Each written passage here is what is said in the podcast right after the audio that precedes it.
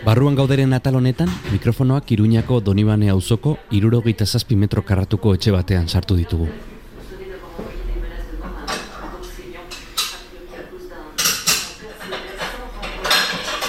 Frantziar irratia entzuten ari da anfitrioia, eta kafea prestatzen. Izan ere, autora jaitsi behar izan dugu idatzi duen poema liburua bertan aztu zaigulako. Baina grabagailua piztuta dago.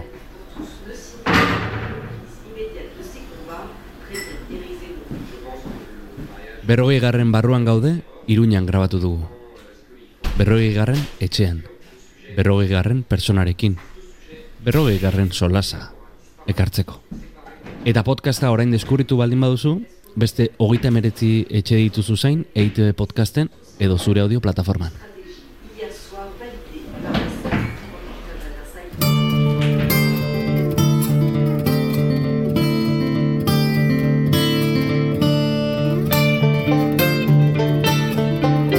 Gaur barruan gauden, edoi etxarteren etxean sartuko gara. Barkamena bakarrik eskatzen du baltzaiak. Bestela ez da barkamenik eskatzen. Jazta. Eta barkamena eskatzen da, normalki, gainera, honezkero, indarrean dagoen justiziak bide guztia egin duenean. Gure amonen belaunaldiak ez, ez da barkamena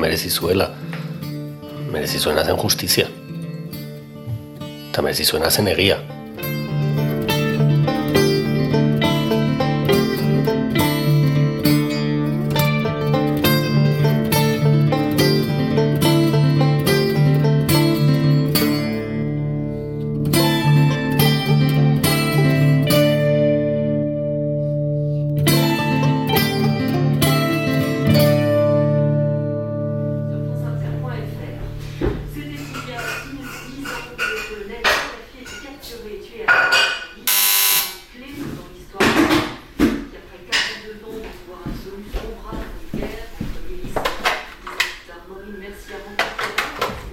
Edoi poeta da, eta 2000 eta hogeita bat honetan sortaldekoak liburu argitaratu du.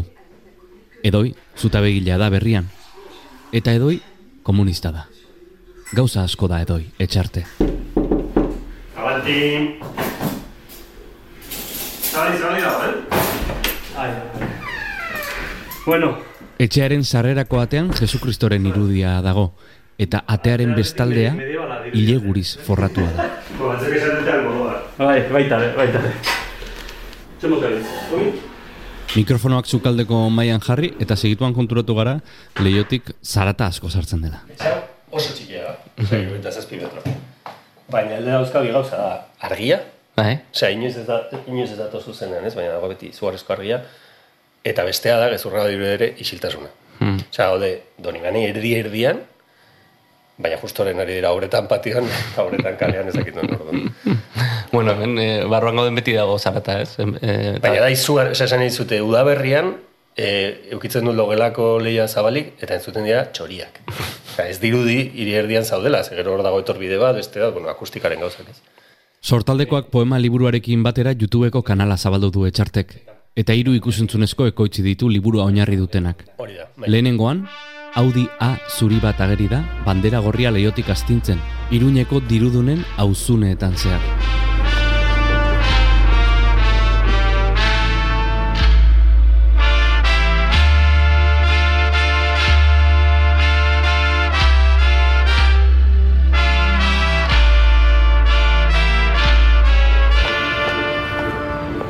Zine zuzendari frantses batek egin zuen e, dokumental zoragarri bat e, Injene Salmon kontatzen duela Alemaniako ezker muturraren historia, irurogei, irurogei tamarrako markadakoa,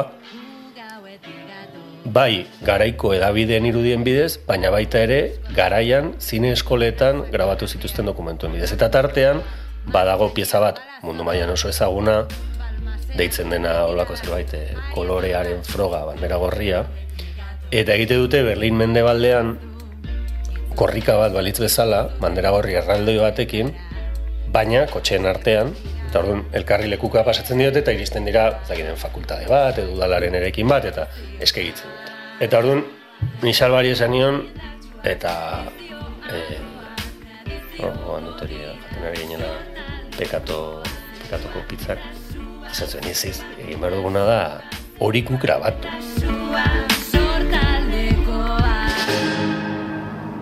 Etengabe aipatu duzu esalditxo bat ere, e, eta poema liburuan dago baita ere, eta da gu gauetik gatoz. Bai, hori da, eh, subkomandante Marcosen eh, hitzartze bat, manutxao gainera bere lehenengo diskoan klandestinon eh, sartzen duena, eh, sampleatzen duena. Nosotros venimos de la noche, vivimos en ella, moriremos en ella, pero mañana la luz será para los más. Bueno, horrela. Eta uste dut bersoie direla eh, aurkitzen zaiena direnak. Eta dira berso batzuk aldi berean irakur daitezkenak e, ikuspegi partidista batetik, ez? Politiko batetik, kasu horretan, ba, zapalduak, galtzaileak, baina esana direnak e, zakin nik aldi berean elementu hori gabez oso plastikoak diren em, toki batetik, ez? Hmm. Gu gauetik gatoz izan diteke baita ere e, parranda egin duen norbaiten e, lema bat, ez? Eta uste dut hor gainditzen dela, ez? Antzeko fenomeno badaukagu e, e, geure gainetik izarra bakarrik. Hori jatorrian da geteren poema bat. Hmm. Ez da zehazki horrelakoa, hitz egiten duena da, e, zaldi gainean doan norbait eta berez esaten duena da, ba, bere txanoaren gainean izarra dauzkala eta ezak zer, ez?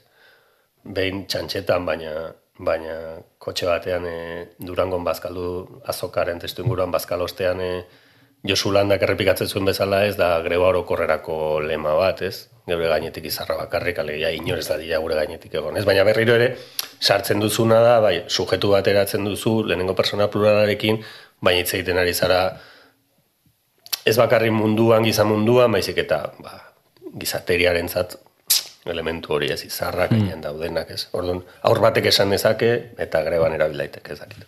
En, nik, nik ere badaukat obsesio moduko bat e, geure aurretik zeudenen historioa eraikitzeko, ez? egia da galtzailea, galtzaile delako, zapaldua dela, eta askotan errelatoak eta kontakizunak eta eta mundu ikuskera hori ere txataletan apurtuta geratzen dela, ez? Eta nik zintzazioa daukat, orain ari naizela nola ere, ba, nire kasuan amamaren historia, eh? eta haren, e, haren kontakizunaren txatalak eraikitzen, ez? Ez dakite, ez dut lortuko eraikitzeaz ez dago, baina oso gai interesgarri erutzen zait. Ba, ini gainera, iritsi naiz puntu batera, ez naizena gai honen inguruan isilduko.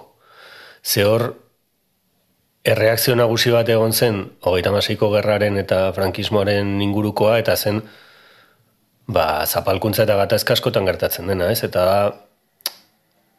ba, zu bizi izan duzu negoera latz hori, gainera konpondo ez dena, erreparatu ez dena, justiziarik egin ez dena, atzean usteko edo ez dizula kontatzen e, zure seme alabei. Eta edo kontatzen dizula, baina urrengo belaunaldian errepikatzen dena da, bueno, utziko du atzean, ez? Hori aurrekoen gauza da, ez? Hmm. Ba, nik ez dut nahi. Ez da bakarrik esaten den bezala e, alako gatazkek gutxienez e, urrengo bi belaunaldian markatzen dituztela. Ez bakarrik e, modu sentimental, psikologiko, humano batean, materialki.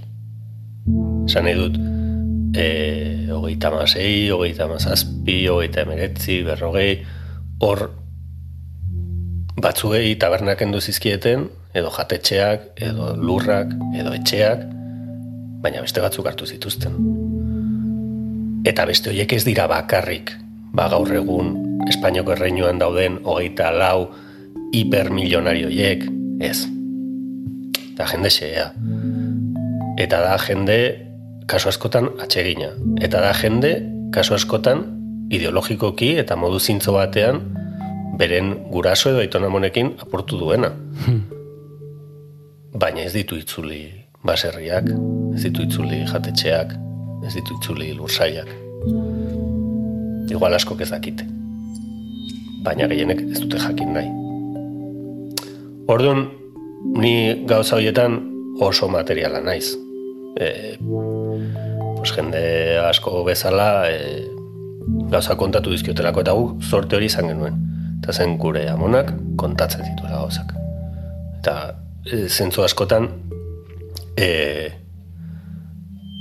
nik behintzat bizi izan banitu bezala, esan nahi dute eta harin ez gauza ederrez, ez, ba, bere, lengusu bat, e, nola jauze egiten zuen e, igeri lekura ez dakize alturetatik, eta hori da nian egon izan banintz bezala, e, amonaren aurtzara horretan, ez, ala, eskolako oroitzapenak, ez, nik uste dute, bueno, orain idatzi daukagu, baina ahozko horretatik, ez dakit nola esan, inmanentzia badagola, ez, eta gero badago beste parte bat, eta nik hor e, eta ni hor oso pesimista naiz eta da memoriari lotu eta egin den lan gehiena egin dela e, falsifikazio batetik eta revisionismo bat. era bat Don zuzoaz Iruñeko hierrira eta ikusten duzu Iruñan fasistek hil zituzten Iruñan bakarrik, eh? Irureunda ezak izen balagun hoien omenez omen den monumentoa eta erabiltzen den pentsakera da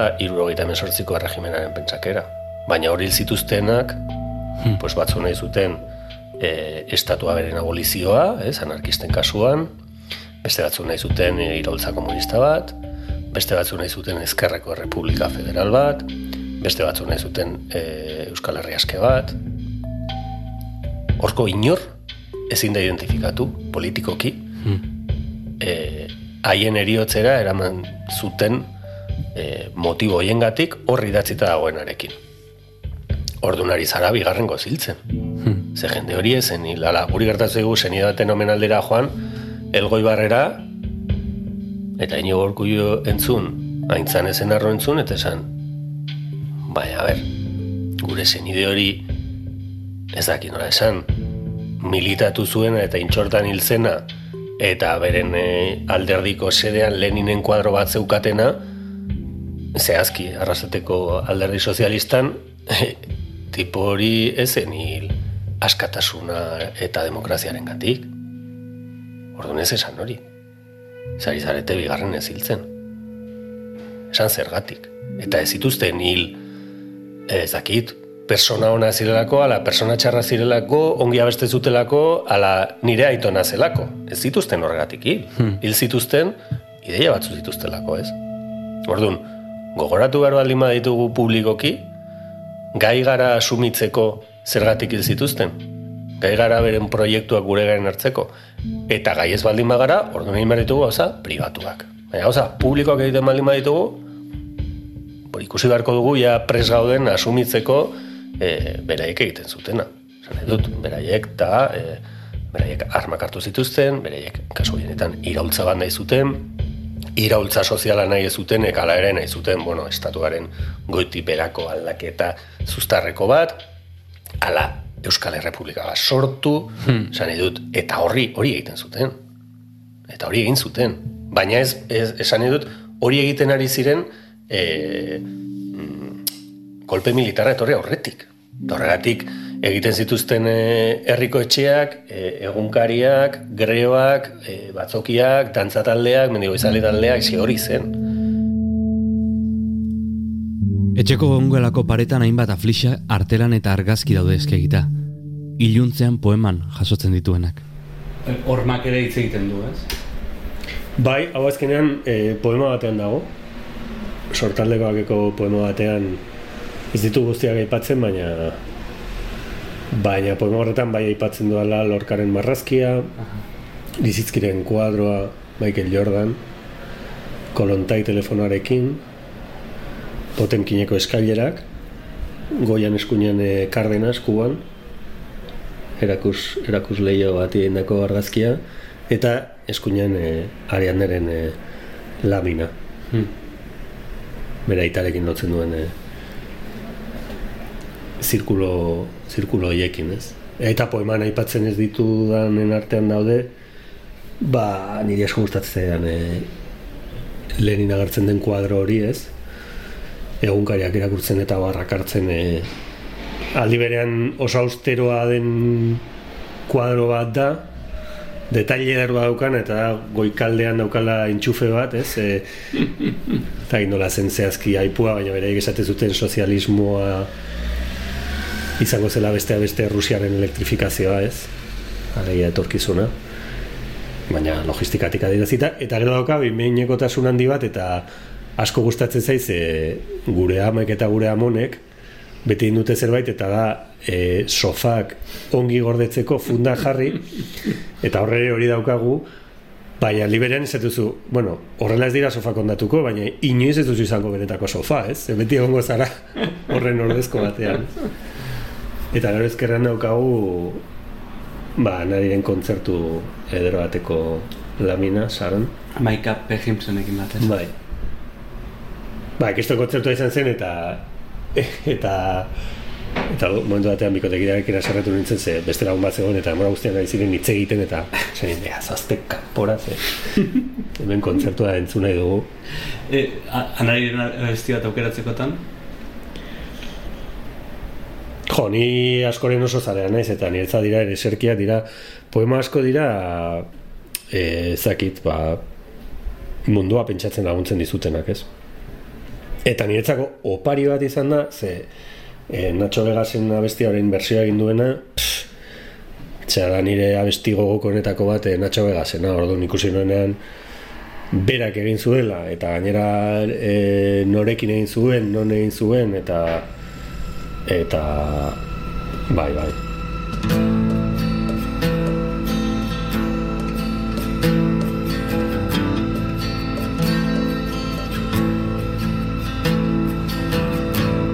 Oinentzungo duzun hau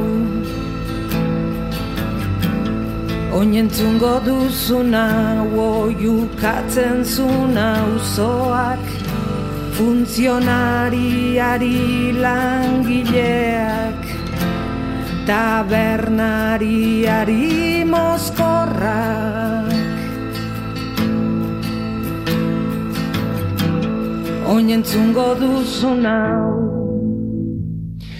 E, bitu, anedota kontatuko dizute, egon ginen eh, kuenkan, minglanian, egon ginen atletiken enkarguz, beste futbol talde baten enkarguz, handa holako peina bat atletikena, eta 2000 herritarretatik ba, gehiengo atletikekoa da, oso goza berezi bat. Zergatik, hortik pasatzen zelako atletik bere garaian, Madrilera joateko jola, jokatzera eta bar.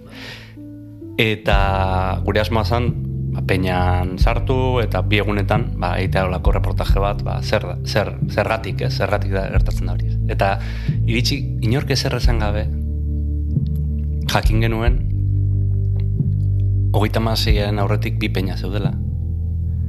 Bata e, kutsilleria batean kokatua, eta bestea kafe kolonen kokatua. E, kafe kolonen kokatua, falangistena, bere, bere egzate zuten, ez? medikuak, falangistak, hola, ez? estatus altuko jendea. Eta kutsillereakoa, ba, langileena, eta republikarna, eta bar, ez? Eta, eta kuriosoa zan, ze, inorketzigun esan, zuzenean gu iritsi ginen konklusio hortara, egon ginen e, denboran, beraiekin negoten, ez? Eta eta esate ziguten, bueno, eske goita emeretzian fusionatu egin zian bi, bi peinak, ez? Eta zinen gauzak lotzen, eta kasualidadez peinako zarrena e, balsa zerrenaren semea laroita mazi urteko edo, elkarzetatu genuen, beritxera joan ginen, eta hartu zitzegun errepublikako pin batekin eta elkarrezketa erdian atera zigun bandera republikano bat. Eta gelitu ginen zur eta lurrez eta kontatu zigun nola ikusi zituen e, eramaten bere aitaren lagundenak e, hilerreira e, fusilatzeko ez. eta izan zen e, ikaragarria nik ere hor asko manizkion ez? Baina Baina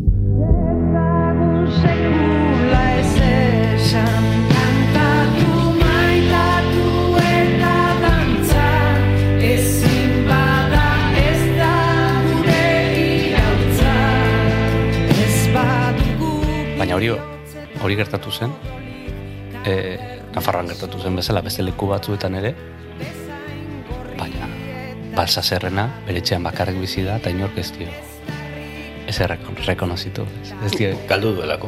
galdu duelako. Ez da. Barkamena bakarrik eskatzen du baltzaiak. Bestera ez da barkamena eskatzen.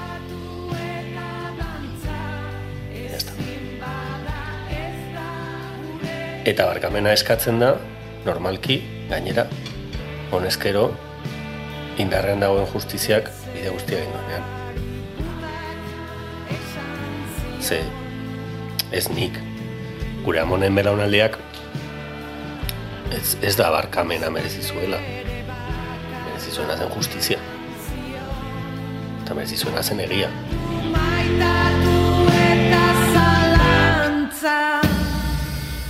Hogeita bost mila lagun horiek hil zituen norbaitek. Batzuk gerratestu inguru batean. Hori ezin da jakin nori izan zen. Baina niretzat beti da oso bitxia. Nafarro garaian hil zituzten iru mila bosteun lagun eta duela berrogei urte lan hori kasi-kasi egina zegoen. Gipuzkoan bizkaien eta araban, ez? Eta beti hori izan da oso, oso deigarria. Eta nik esplikazio batzu dauzkat, baina baina jarraitzen izaten oso bitxia nola den posible hemen a priori askoz gogorragoa gertatu den zerbait, egia da Jimeno Jurio existitu izan ez balitz, ez historialari bat hor lan hori guzti hori egiten duena, eta baina gero herriz herriko memoria talde militanteak ez, askoz gehiago egon dira Nafarro garaian, herri, e, Bizkaia, Gipuzkoa eta Araban baino ez. Eta hori esplikazio asko daude, horietako bada, ba, gertatzen den paktua, osea, lehenengo PSOE likidatzen dela, ez, e, transizio betean likidatzen dute, guardia zarrak entzen dute gainetik eta sartzen dira, ba, gero Felipe Gerra, ez, Suresneseko operazio horretan, e, ZIA eta Alemaniako sozialdemokraziaren e, bultzadaren gatik, baina gero herri, herriz herri, e, alderdi sozialistak eta EAJak esaten die ez, behin eta berriro, paktu bat dutelako frankistekin, e, eta ez bazen egin izan zen haiengatik eta adibide zehatza daudenik arrasateko ezagutzen dut hobekien. Baina horre udalak, EAJ eta alderdi sozialistari esker, erabakitzen du laro gehietan, ez ez, horrez dela egiten monolito bat, e, fusilatu direnei, eh? horrez zen proposatzen, ez intxortan hil zirenei, ez, baizik eta banan-banan joan ziren, egun da, ez dakitzen bat, egun da irurogeita oien, oiei bakarrik. Eta ez, hori ez. Ordon afera hemen ez da guk frankismoaren oinordekotzat dugun alderdi popular eta mundu hori. Ez da haien gatik. E, egia estali. Egia estali da, hogeita maseian, hogeita masei, hogeita emeretzi eta frankismo osoan errepresaliatu gehien Euskal Herrian izan zuten erakundeetako buruek, erabaki dutelako, erabaki zutelako, ezer ezela egingo errepresaliatu horiekin.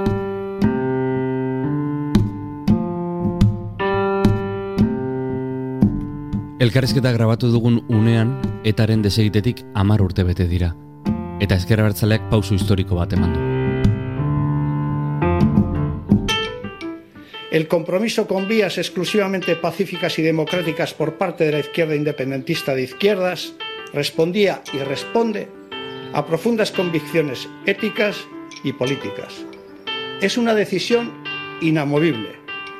Es una decisión inamovible y para siempre. Ari ginen galtzaile ez hitz egiten, eta oraintxu e, maipamena merezi duen e, adierazpen bat egon da ezkera hartzalaren aldetik, Arraldotegik eta Arketz Rodriguezek esan dutelako, ba, ba, sentitzen dutela eta egindako eragindako mina, eta e, gehitu dute e, etzela inoiz gertatu behar.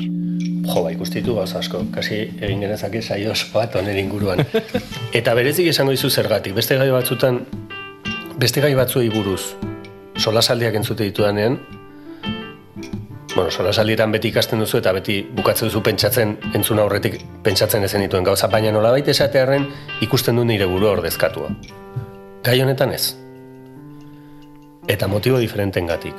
Hoietako bat, askoz hobe esplikatuko luke Imanol Satrustegi historialariak, orain ari da berak egin zuen e, doktoretza tesia irurogei, irurogei tamarreko Nafarro garaiko ezker iraultzailearen inguruan. Eta ni nire burua etari dagokionean, ba, laboroar e, irigarrien e, indarkeriari dagoen- dagokionean, oso gertu sentitzen dut hortikan, batetik. Ze gero dauden niretza beste gauza. Eta zin da irakurketa hori, bueno, ba, etak e, azken urtetan ezagutu dugun jokatzeko modu hori, berez, hasieratik zegoena, garai hartan ezker iraultzaileak kritikatzen zuen, nik uste dut, igual kolokazio horrek gaur egun ez duela zentzurik ez, burgez txikia. Baina esplikazio bai. Eta jarriko dut adibide grafiko bat. Iruñan, enpresari baten kontrako greba handi bat egiten ari ziren. Uarte. Eta alako batean, iristen dira, iristen da komando bat eta baitzen du. Arreskate batengatik. Eta, klaro, fabrikan greba antolatzen ari direna, gelditzen dira, nortzu dira hauek, gu parte hartzen ari garen borroka batean, askoz intensidade handiagoko elementu batekin, askoz indarkeria maila altuagoarekin, ebazteko hemen zer gertatzen den. Eta hori ikusi dugu, etaren historian puntu diferentetan hori ikusi dugu lemoizen, eta hori ikusi dugu abiadorendiko trenaren kontuan adibidez ez. Eta da, ni ados nago ezakit, makroproiektu hau gelditu behar dela, adibidez. Baina nor zara zu? Antolatuta eta martxan dagoen mugimendutik aparte, etorri eta hori ordezkatzeko, ez? Oso eztabaida politikoa da, eta nik ulertzen dut gaur egun kasi bakarrik gauzak aztertzen ditugula. Esaten zaio ikuspegi humano, baina nik esango nuke e, zakit, ikuspegi emozional batetik bakarrik, ez? Ikuspegi empatikoa bakarrik existituko balitzu bezala. Eta nik hortara ere jo nahi dut, eh? Baina uste dut aurretik, motivazio politikoa duen indarkeria batean, politikoki aztertu behar dela. Hori ba, vanguardia esatzen zaio, ez? E, vanguardia... Bai, baina kasu horretan, vanguardia zen mugimendurena. Ze zuk ez daukazu inolako konexiorik, esan dut, e, zuk ez daukazu inor, greba horretan, zure hildoa nabarmentzeko, eta ordea, zure burua ikusten duzu, e, ezagit, zilegitasuna daukazula, herria ordezkatzen duzulako, eta orduan zer, hor greban daudenak ez dira herria. Hor greban daudenek erabaki dituzten gauzak, beren eztabaidekin, adostu dituztenak, ez? Horiek ez dira herria. Ala mugimendu antinuklearra ez zen herria. Eta zuk erabaki dezakezu, ez? Gero dago kalkuloarena, eta da, e, bueno, ba, azken hilabetetan gehiago nahi herrira, eta gero eta gehiago fijatzen ez, eta ni ikusi gabean egoen e, Tomas Caballeroren e, e, hilobia, ez? Tomas Caballero zen gizon konservadore bat, eskuindarra, espainolista nahi bada, eta kil zuen, uste dut, laro eta emezortzian, bueno, laro eta marreko markaren bukaeran. Eta ni orain ja- pentsatzen jartzen naiz, e, etak zuen ideologian, eta esaten dut, ostras, hil zenuten tipo bat, e, tipoari esker, Iruñan, eskegi zen, Iruñeko udaletxean, lehenengo aldiz ikurriña. Osea, bakarrik horregatik, Eta berriro diote, harin ez ikuspegi humanoa eta inkluso taktika handia, taktika politiko handia alde batera uzten. Osa, zakit, bakarrik horregatik, tipo horrek, ez zuen eriotza merezi. Sartu gabe, ja norbaitek eriotza mere- merezi duen, eh? Baina eske gainera, tipo hori izan zen, patxi zabaletarekin batera, Iruñeko udalerako plantilla, lehenengo plantilla, aurkeztu zenean, bi zinegotzik sinatzen zuten udalaren izenean irakasle bakoitzaren kontratua. Bata zen Patxi Zabaleta eta bestea zen Tomas Caballero.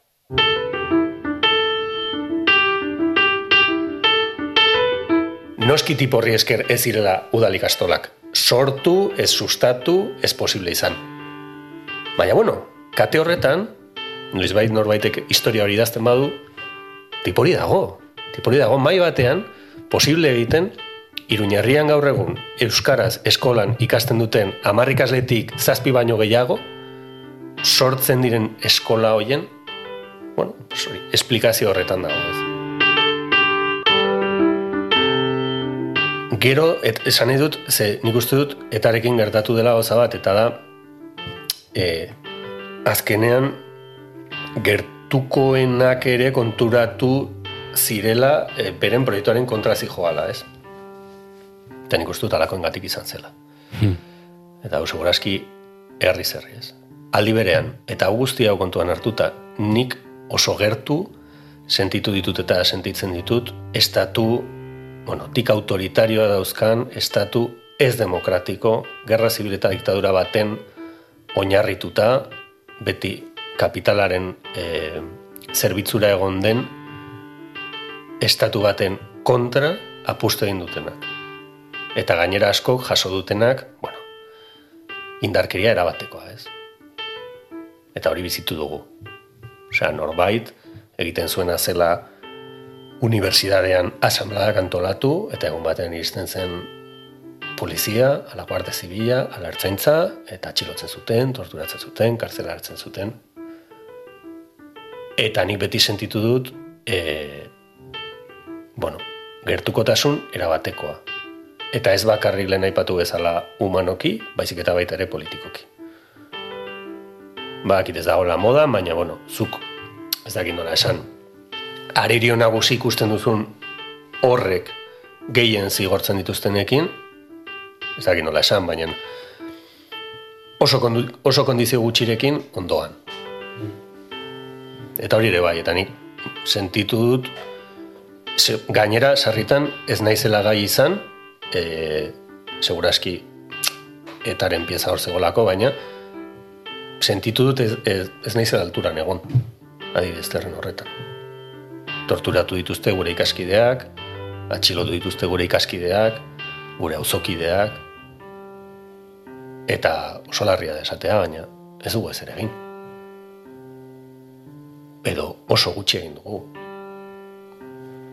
Horren kontra geunden guztiok zerbait egin izan bagenu, egon den egon diren zortzi mila torturatu horiek, adibidez, ez zirela egongo. Eta hemen oso modan dago besteari esatea zer egin behar duen, ba nik esaten dut. Ni desde luego ez naiz alturan egon. Eta, eta hori, torturatu dituzte, nire ez dakizen bat ikaskide. Eta nik irakurri dut periodikotan. Nirekin inolako loturarik izango ez balu bezala jende horrek. Ez? Un batean partekatzen duzu, zakit, eskolako patioa, edo institutokoa, edo eroste dituzu litxarreria denda berean, eta handik hiru urtera atxilotzen dituzte, torturatzen dituzte, eta eta ez da dagoenik zure kezken kezketan atzean, baizik eta ez da ez da zure kezka.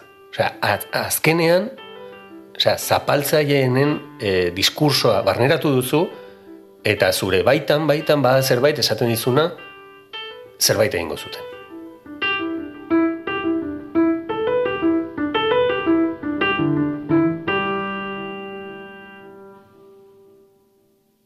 Jaitsi gaitezen. Bai, Jaitsi gaitezen. e, aitaren eriotza, ez? Eta nahi baduzu eriotza, ez? bai.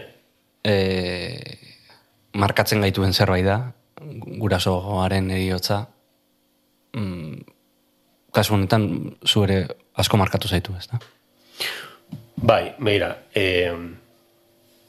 nire bikotekidearen eh, lagun honetako batek esan zian bezala, e, ni galdu nuen persona berean edo eriotz berarekin e, aita bat, maisu bat eta lagun bat, ez? Orduan, ni puntu batean oraindik ez dakidana bizitzen e, e, aitari gabe. Ez autonomiaren zentzuan, ze zentzu horretan, ba, gurasoak oso hasieratik, ez, ez dut, kanpaldi batera aurrenekoz joan nintzela gurasori gabe bost urterekin. Orduan, bueno, beraik oso hasieratik nahi zuten e, gu persona izatea haiek gabe, pixka bat kontra esankorra izan daitekena, baina baina, klaro, aldi berean zen nik eguneroko tratua nuen norbait, inkluso kanpoan bizi nintzenean imeiak, deiak, liburu bat partekatu, sola saldiak, ez?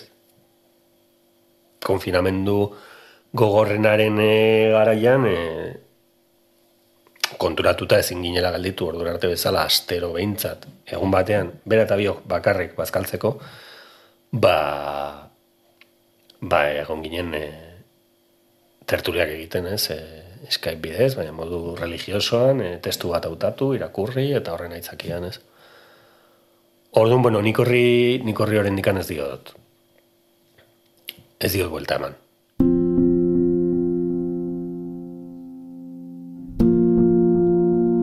Baina nor zen Aitor Etxarte?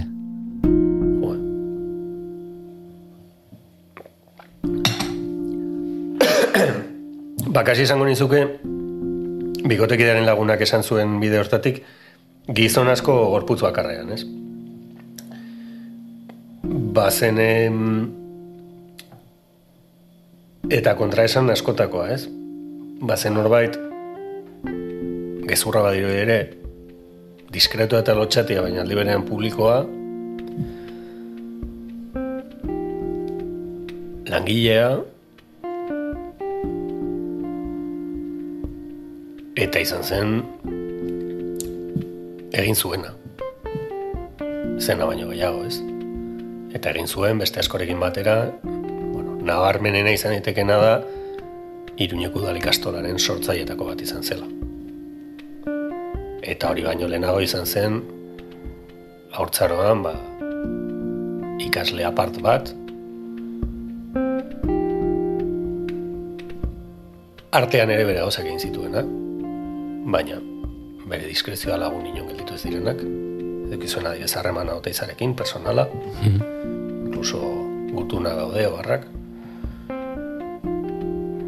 edo Xabier Idioterekin, bera ezagunagoa da, talde bat izan zuten, gertatzen gara gara hartan, ba, Iruña oso periferian zegoela ez. Eta orduan, bueno, ba horrek kristalezko sabai nabarmen bat zuela ez. Izan zen, Barcelonako Unibertsitate Autonomoan e, pedagogia karrera ikasi zuen lehenengo belaunaldia. Eta izan zen alderdi forman militatu zuen toki bakarra izan zen Liga Komunista. Eta gerora, ba, duela Laro marreko markadatik edo karrikiri iruñeko Euskal Elkartearen sortzaietako bat eta eta bertako bertako militantetako bat. Bueno, pues oso persona bizia, bat euskanak e, e, inkietude asko, oso langilea zena, eta ordenatua, eta hortaz guztiaz aparte, ba, bere amaren semea eta gure aita.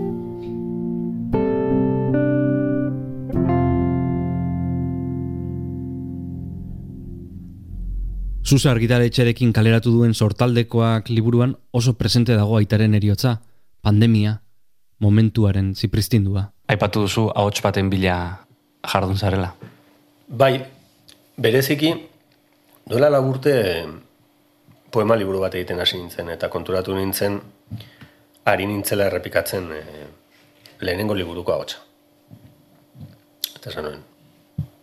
Eta ariketa ez da guztiz erresa, eta da hirugarren aldiz lehenengo liburu bat egitea.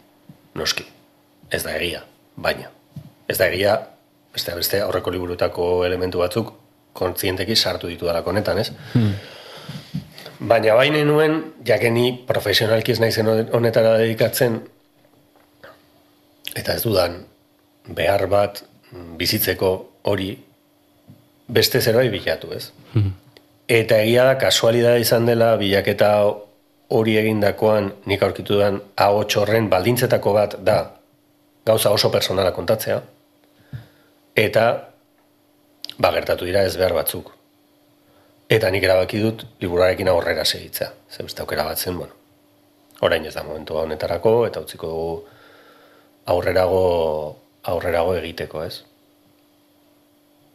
Eta seguraski horrek ba, esaterako aitaren doluarekin dudan harremanean baldintzatu duen, ez? Eta nik, ez, nik sentitzen nuen ezin nuela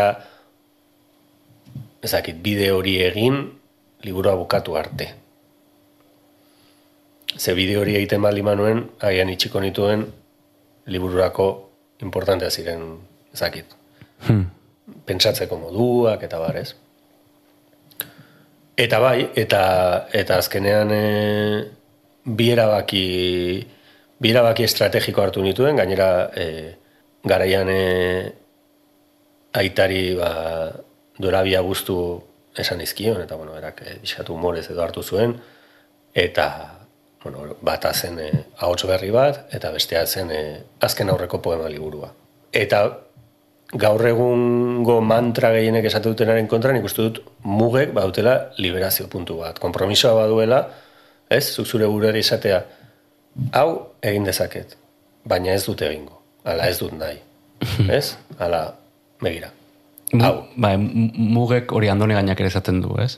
E, abersotan gertatzen Bai. bezala, ez? claro, Mugek sormena ere sustatzen dutela, ez? Claro, kondentsazio ariketa dira, nik idazlea daude?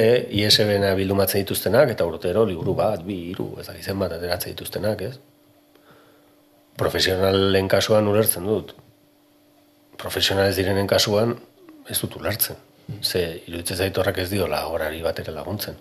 Atxagarekin itzen genuen berak esandakoa, ez azkenengo novela, ez? Baina berak e, aitortu zuen, ba, inork ezin diola esan, ez zaiola agertuko beste novela bat parean, ez? Claro, Ez dakit zure kasuan e, erabaki irmoa den eta errespetatuko duzun, ala, nik esango nuke motibo askoren gati baietz. Eta horietako bat da, agian nire gaitasun falta. Baina, nik hau bat aurkitzeko, bat egin behar dute.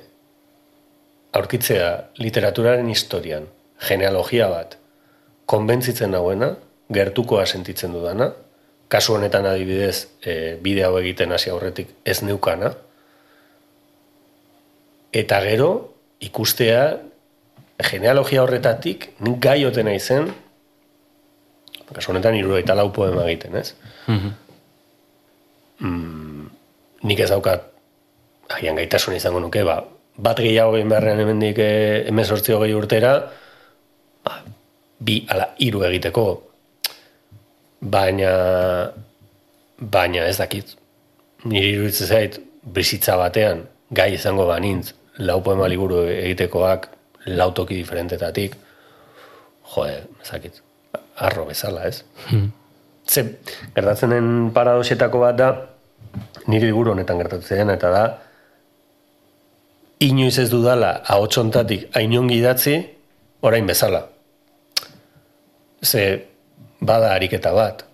Eta, hecho, azken sartu genituen e, imprentara bidalia horretik, ezakit, amarregun lehenago, sei poema berri.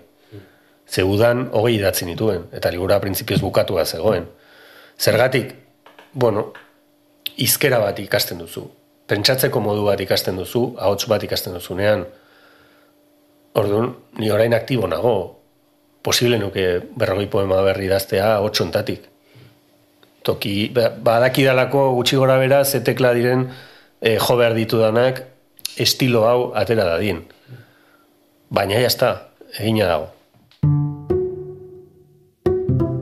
Idazlea izateaz gainera aita ere bada, eta horrek mundu ikuskeran eragin dio. betidanik nahi nuen zerbait izan zen, eta gero konturatzen zara denborarekin ze zaila den, aita izatea, inkluso biologikoki.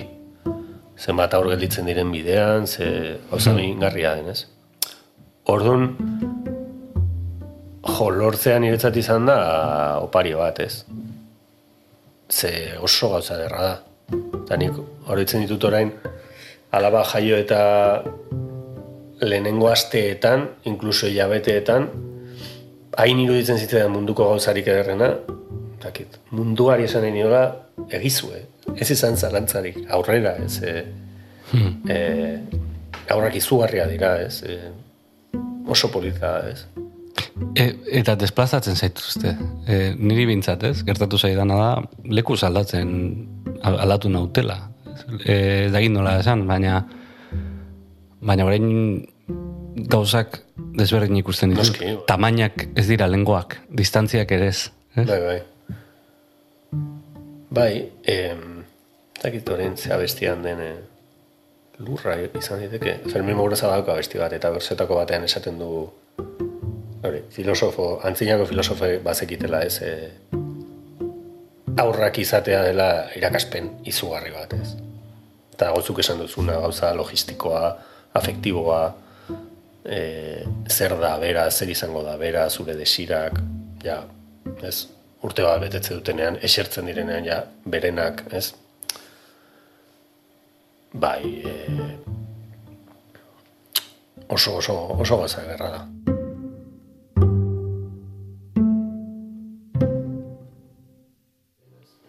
Ze gertatzen ari da Iruñar?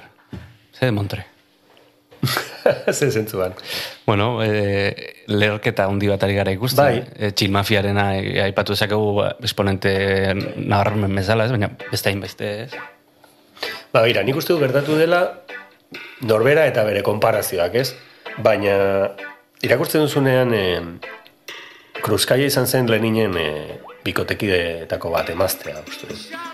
Eta badauka liburu bat e, Leninen oroitzapena deitzen dena.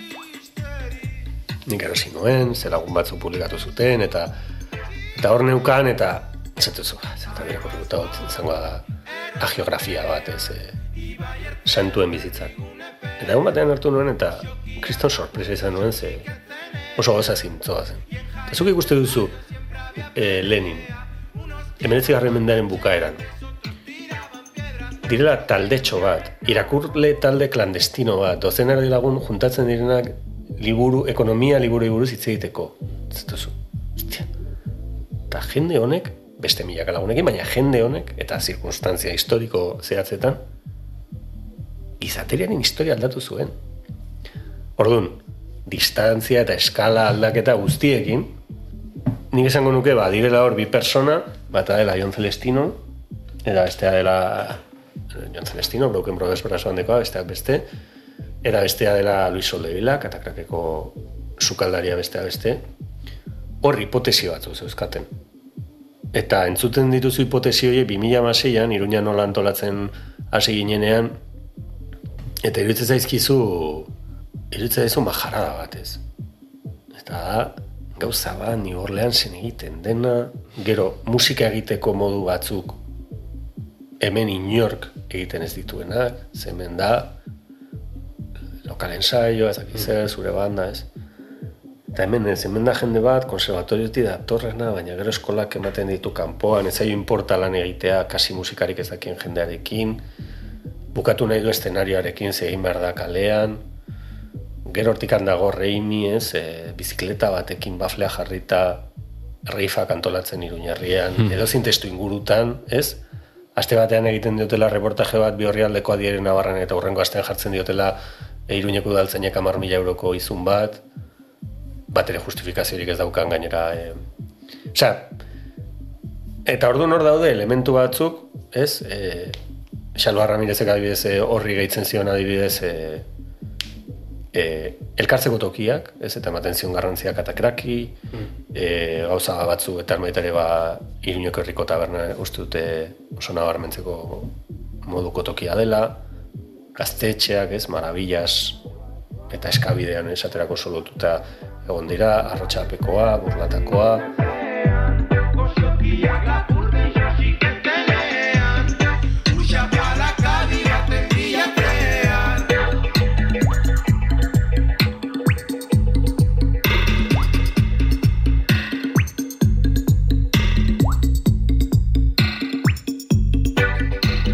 Garantzia dute lekuek, eh? E, eta, eta orain, e, bon, lugan bueltak ematen nion nizkion buruari, ez?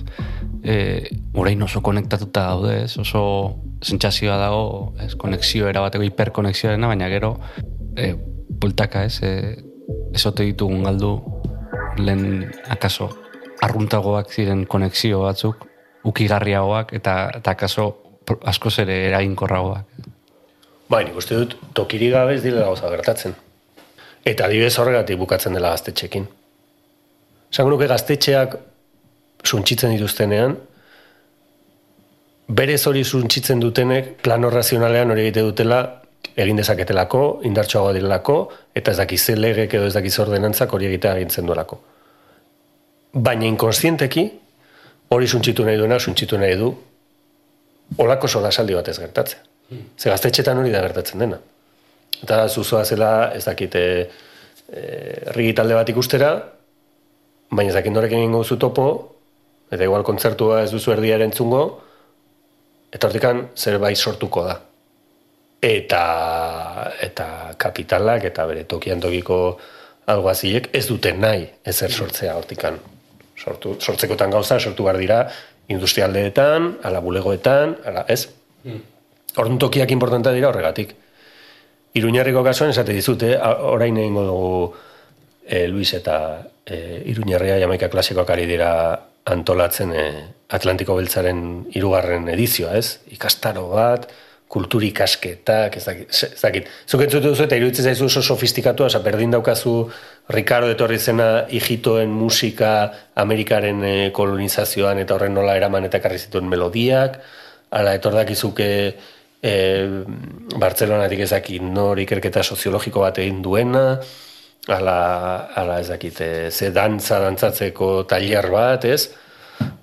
Bueno, garbi dagoena da hor, zirkulazioan jartzen baldin badituzu gogoetak, eta ni, bueno, iruña, iruña nolatik gertuen nagoen persona izalako, baina antzeko gauza gertatzen da iruinkokoarekin adibidez, ez? Eta da, pues, iruinkokoan ibili direla musikari, e, ibilbedikoak txilmafiakoekin, ez? Edo txilmafia zer da, bada gauza bat, e, likidoa zentzu honean, ez? Ezakizula nor den, nor ez den, nor den noiz, aliberan oso konektatua iruñarria bilborekin adibidez, Ari beretik lotu nahi dituzke atxaga eta txilmafia.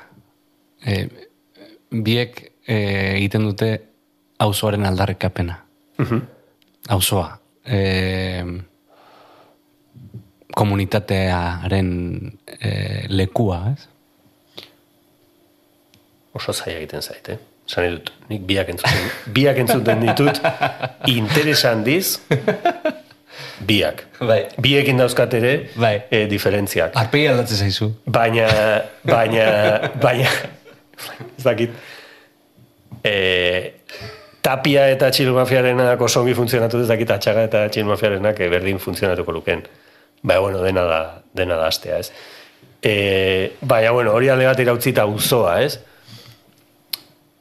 Niri gustatuko litzaidake, ez dakit ezote den aberriarekin bezala e, punturen batean kaltegarri izan daiteken fikzio bat auzoarena.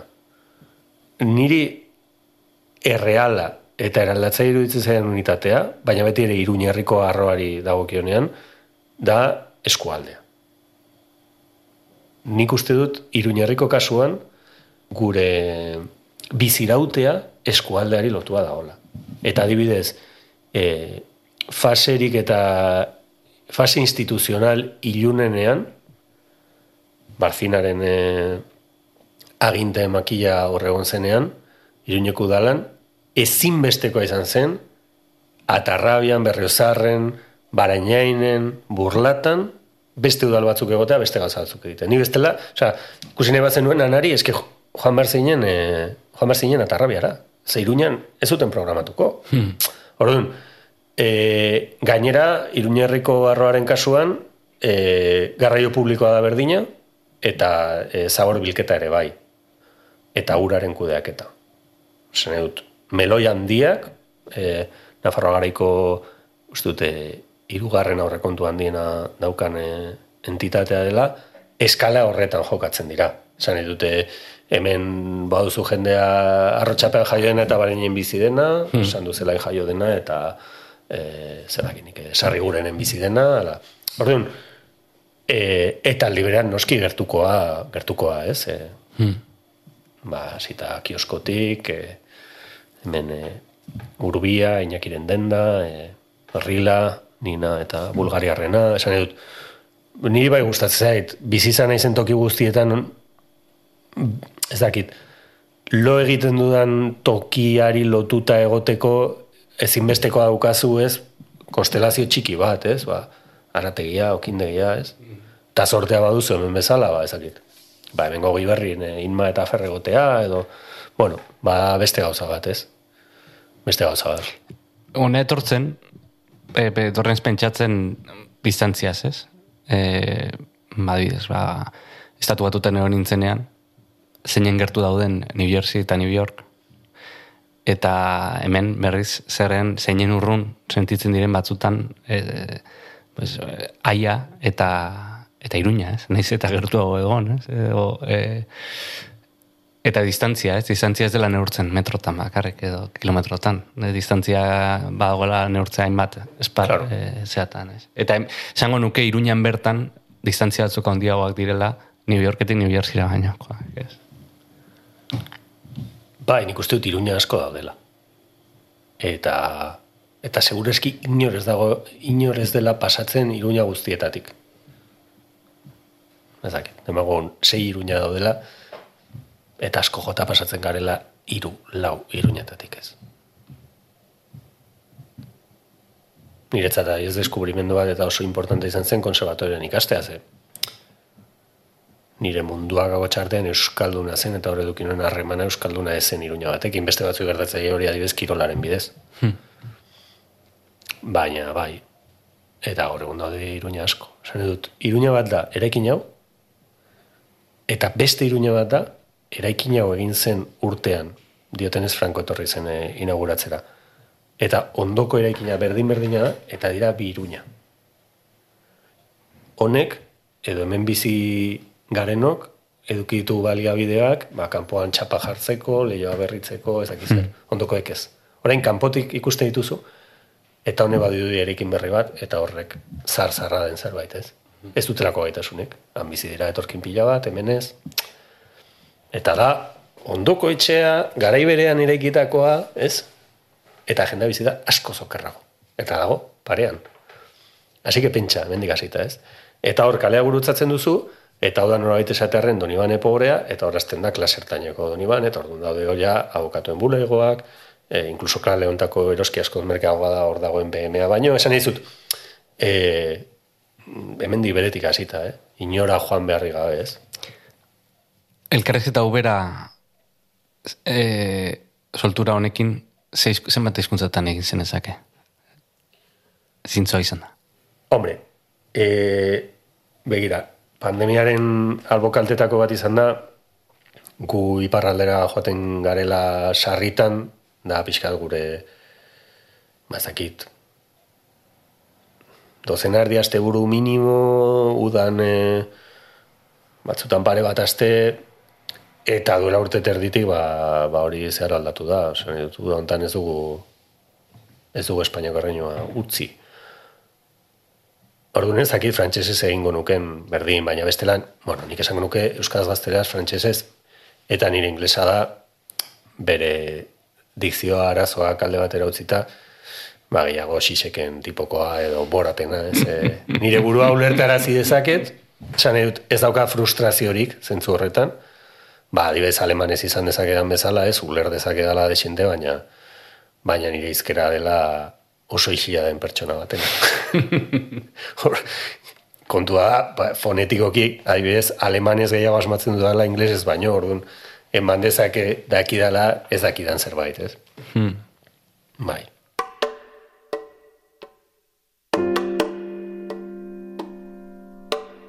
Elkarrizketa honen amaierara ari gara gerturatzen, baina akats bat litzateke katakrak liburu den da ez aipatzea.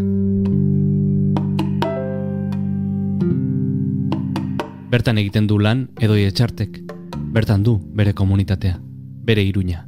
Bai, orain betetzen dira amar urte ni orduan la hormigatomikan la hormigatomika zen horretan sartu nintzena erabaki nuen e, iruñera aldatzean, igaztizen bizi nintzen eta, bueno, izango zen ba katakrak sortu horreko prestaketako bi urte horietan e, aritzeko, ez? Katakrak beteko ditu sortzi urte mm, abenduan, ireki genuenetik, eta eta bueno, hori da gure bizitza, zakit nola esan. Hor, hor egiten dugu lan, hor egiten ditugu lan orduetatik kanpo gauza pila bat, eta Azken aldian, e, itzegin izan dugunetan, e, izpilu beltzen. Bai. Nago, beti gauek ordu... bai, Zer ikusi du katakrakekin horrek, ez? Bai, nik uste dut hori elkartzen denean katakrak e, seme alabak izatea, eta ezak zer, ez? Bai, gelditzen zaizkizuna dira ordu ez diren, ez? Ordu gisa konputatzen ez duten ordu horiek, ez? Baina, bai, bai, eta, eta bueno, lortu dugu gainera, e, atzean gelditzen ari den pandemiarekin, e, ateak ez iztea, ez? Hori da, lehenengo ospakizunetako bat, eta mantentzea zutik, Ze gauzak astea zaila da, baina asko zailagoa da gauzak, e, gauzai eustea, ez? Eta iztea erresa da. Eta iztea oso erresa da, bai, bueno, erresa.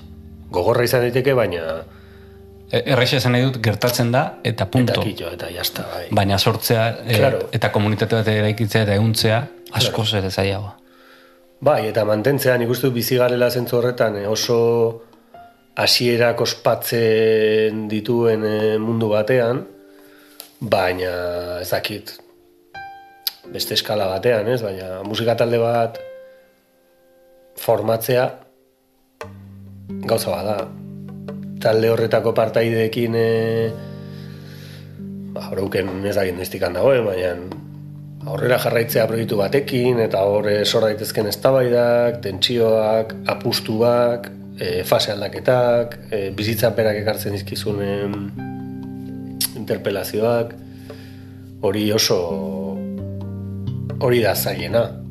Baina aldi berean, e, irauten ez duten gauzak ez dira.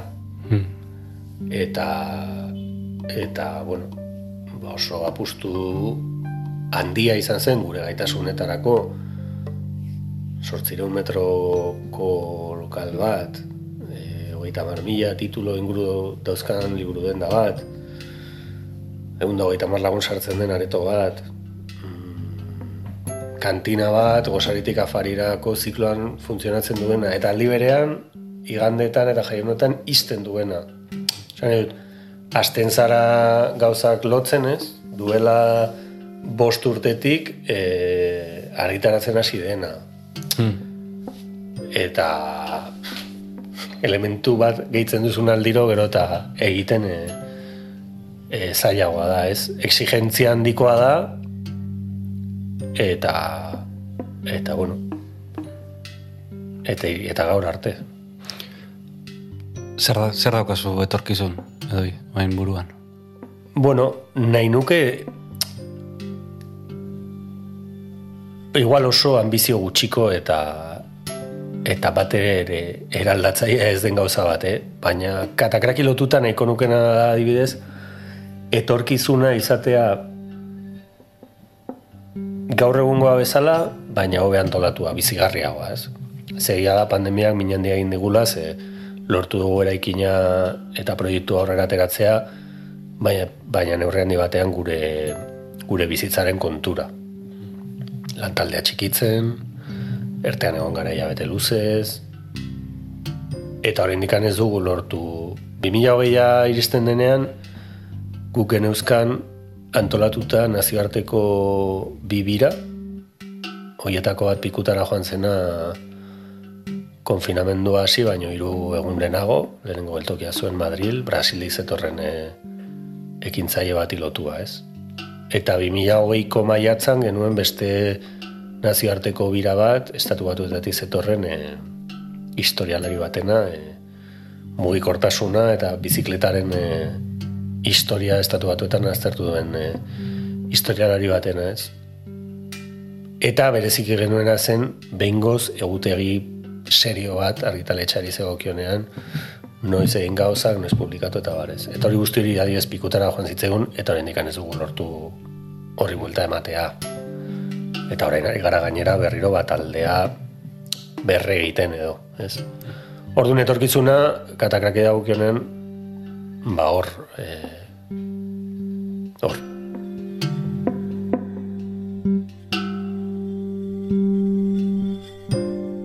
Ba, doi eskerrik asko etxeko ateak zabaltzeatik.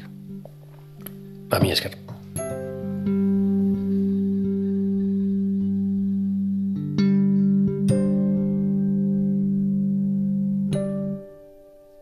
Igual alde batzuk gehiagotan entzungo dituzu eta Bai, E, Aukeratu ezagun bat, jarri ezagun disko bat.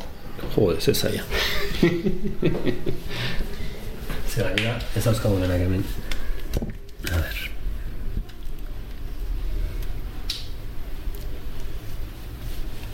Venga, hau jarriko.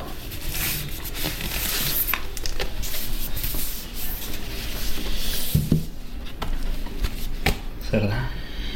Hau da Benjamin Bioleren azken diskoa.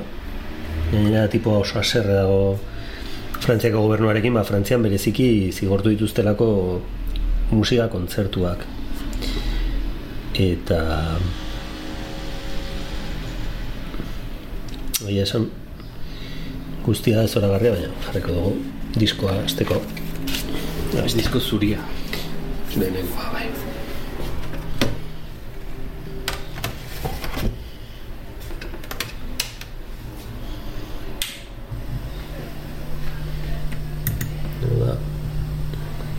Hogeita mairuan,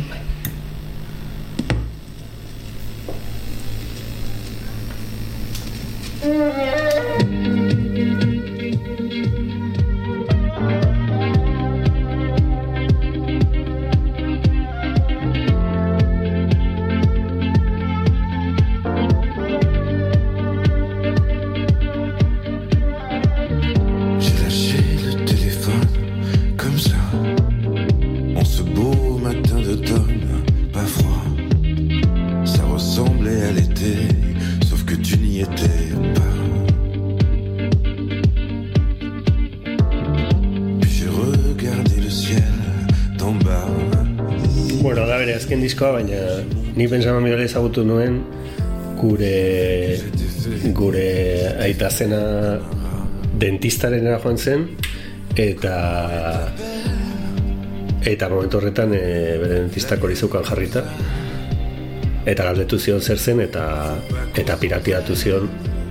Iz- izan zen negatif, ez dakit uste dela bioleren e, bigarren e, bigarren diskoa eta ordutikan segitu dut eta eta bueno, Euskal Herrian baditu baditu segidoreak. Mm Ustutan Gererro neko zalea dela eta eta Ibone gainarekin egin nuen topo Donostian e, kontzertua eman zuen duela urte batzuk. Bai, niri beti ez dakit nola esan e, badago e, sozialdemokrazia pijoaren parte bat e, oso sexy iruditu zaidana, ez? Bizitzak ematen baldin badizu saria bertan egotekoa. Eta horren e, esponentetako bat da niretzat e, Benjamin Biole eta eta gozatzen dut eta gainera gustatzen zait bere abesti okerrenetan, bere abesti ez dakit e, bigunenetan ere iruditzen zait e, zerbait asmatzen duela, ez? Segurazki harremana dauka baita ere berak e, bere formazio musikala musika klasikotik datorrelako ez orduan, bai, uste dut gola pop ikono bat bezala baina atzean dagoena da uste dut e, trompa jotzen duen e, gazte bat ez Comment est ta peine La mienne est comme ça. Iruñatik alde egin, eta barruan gaude badoa beste norabait. Gogoratu ostiralero ostiralero argitaratzen dugula saio berri bat EITB podcasten edo zure audio plataforma kutxunean eta bertan arpidetu zaitezkela. Hartu tartetxo bat eta sakatu arpidetza botoiari. Asko eskertuko dizugu. Bestalde, lagun artean partekatu gustatu baldin mazaizu. Eta gogoratu Juan González Andrés gure lankide eta lagunak Estamos Dentro podcast bikia egiten duela gaztelaniaz. Ura ere, EITB podcasten eta audio plataformetan topatuko duzu. Besterik ez, urengor arte.